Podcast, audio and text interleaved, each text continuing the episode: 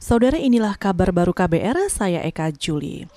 Menteri Kesehatan Budi Gunadi Sadikin mengklaim pandemi COVID-19 mulai terkontrol dan menurun, sehingga kementeriannya akan mulai fokus melakukan transformasi di sektor kesehatan. Salah satunya menyelesaikan program-program kesehatan utama. Kita bersyukur bahwa saat ini pandemi sudah kembali terkontrol.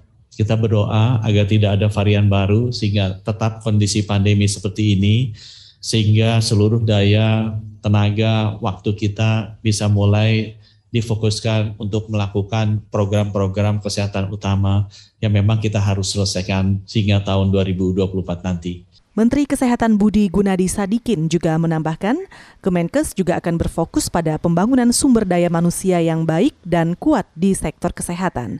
Menurut Budi, hal ini sesuai dengan arahan Presiden Jokowi yang menyebut soal tanggung jawab pembangunan SDM di Kementerian Pendidikan, Sosial, dan Kesehatan.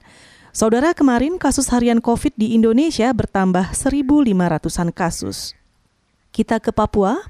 Kepolisian daerah Papua berencana menambah pasukan ke Kabupaten Puncak Jaya Kapolda Papua, Matius Fakiri mengatakan penambahan pasukan dilakukan usai insiden penembakan dua tukang ojek di sana. Polda Papua akan kembali mempertebal perkuatan Puncak Jaya untuk bagaimana bisa kita lakukan monitoring di dua titik tambahan, yaitu mungkin nanti di Gurage, termasuk nanti di Kulirik. Kita akan isi pertebalan ini akan menambah juga untuk pengawasan terhadap uh, masih ada kelompok yang mau selalu mengacaukan wilayah-wilayah yang sudah sangat tenang.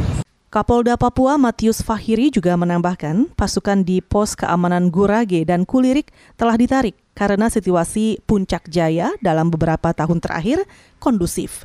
Penembakan terhadap dua tukang ojek terjadi di Kampung Lumbuk, Distrik Tinggi Nambut, terjadi Selasa kemarin, satu orang tewas akibat luka tembak, korban lainnya dalam kondisi kritis. Kita ke mancanegara. Empat presiden negara di Eropa mendesak Presiden Rusia Vladimir Putin diadili. Empat presiden itu adalah Presiden Polandia, Lituania, Latvia, dan Estonia.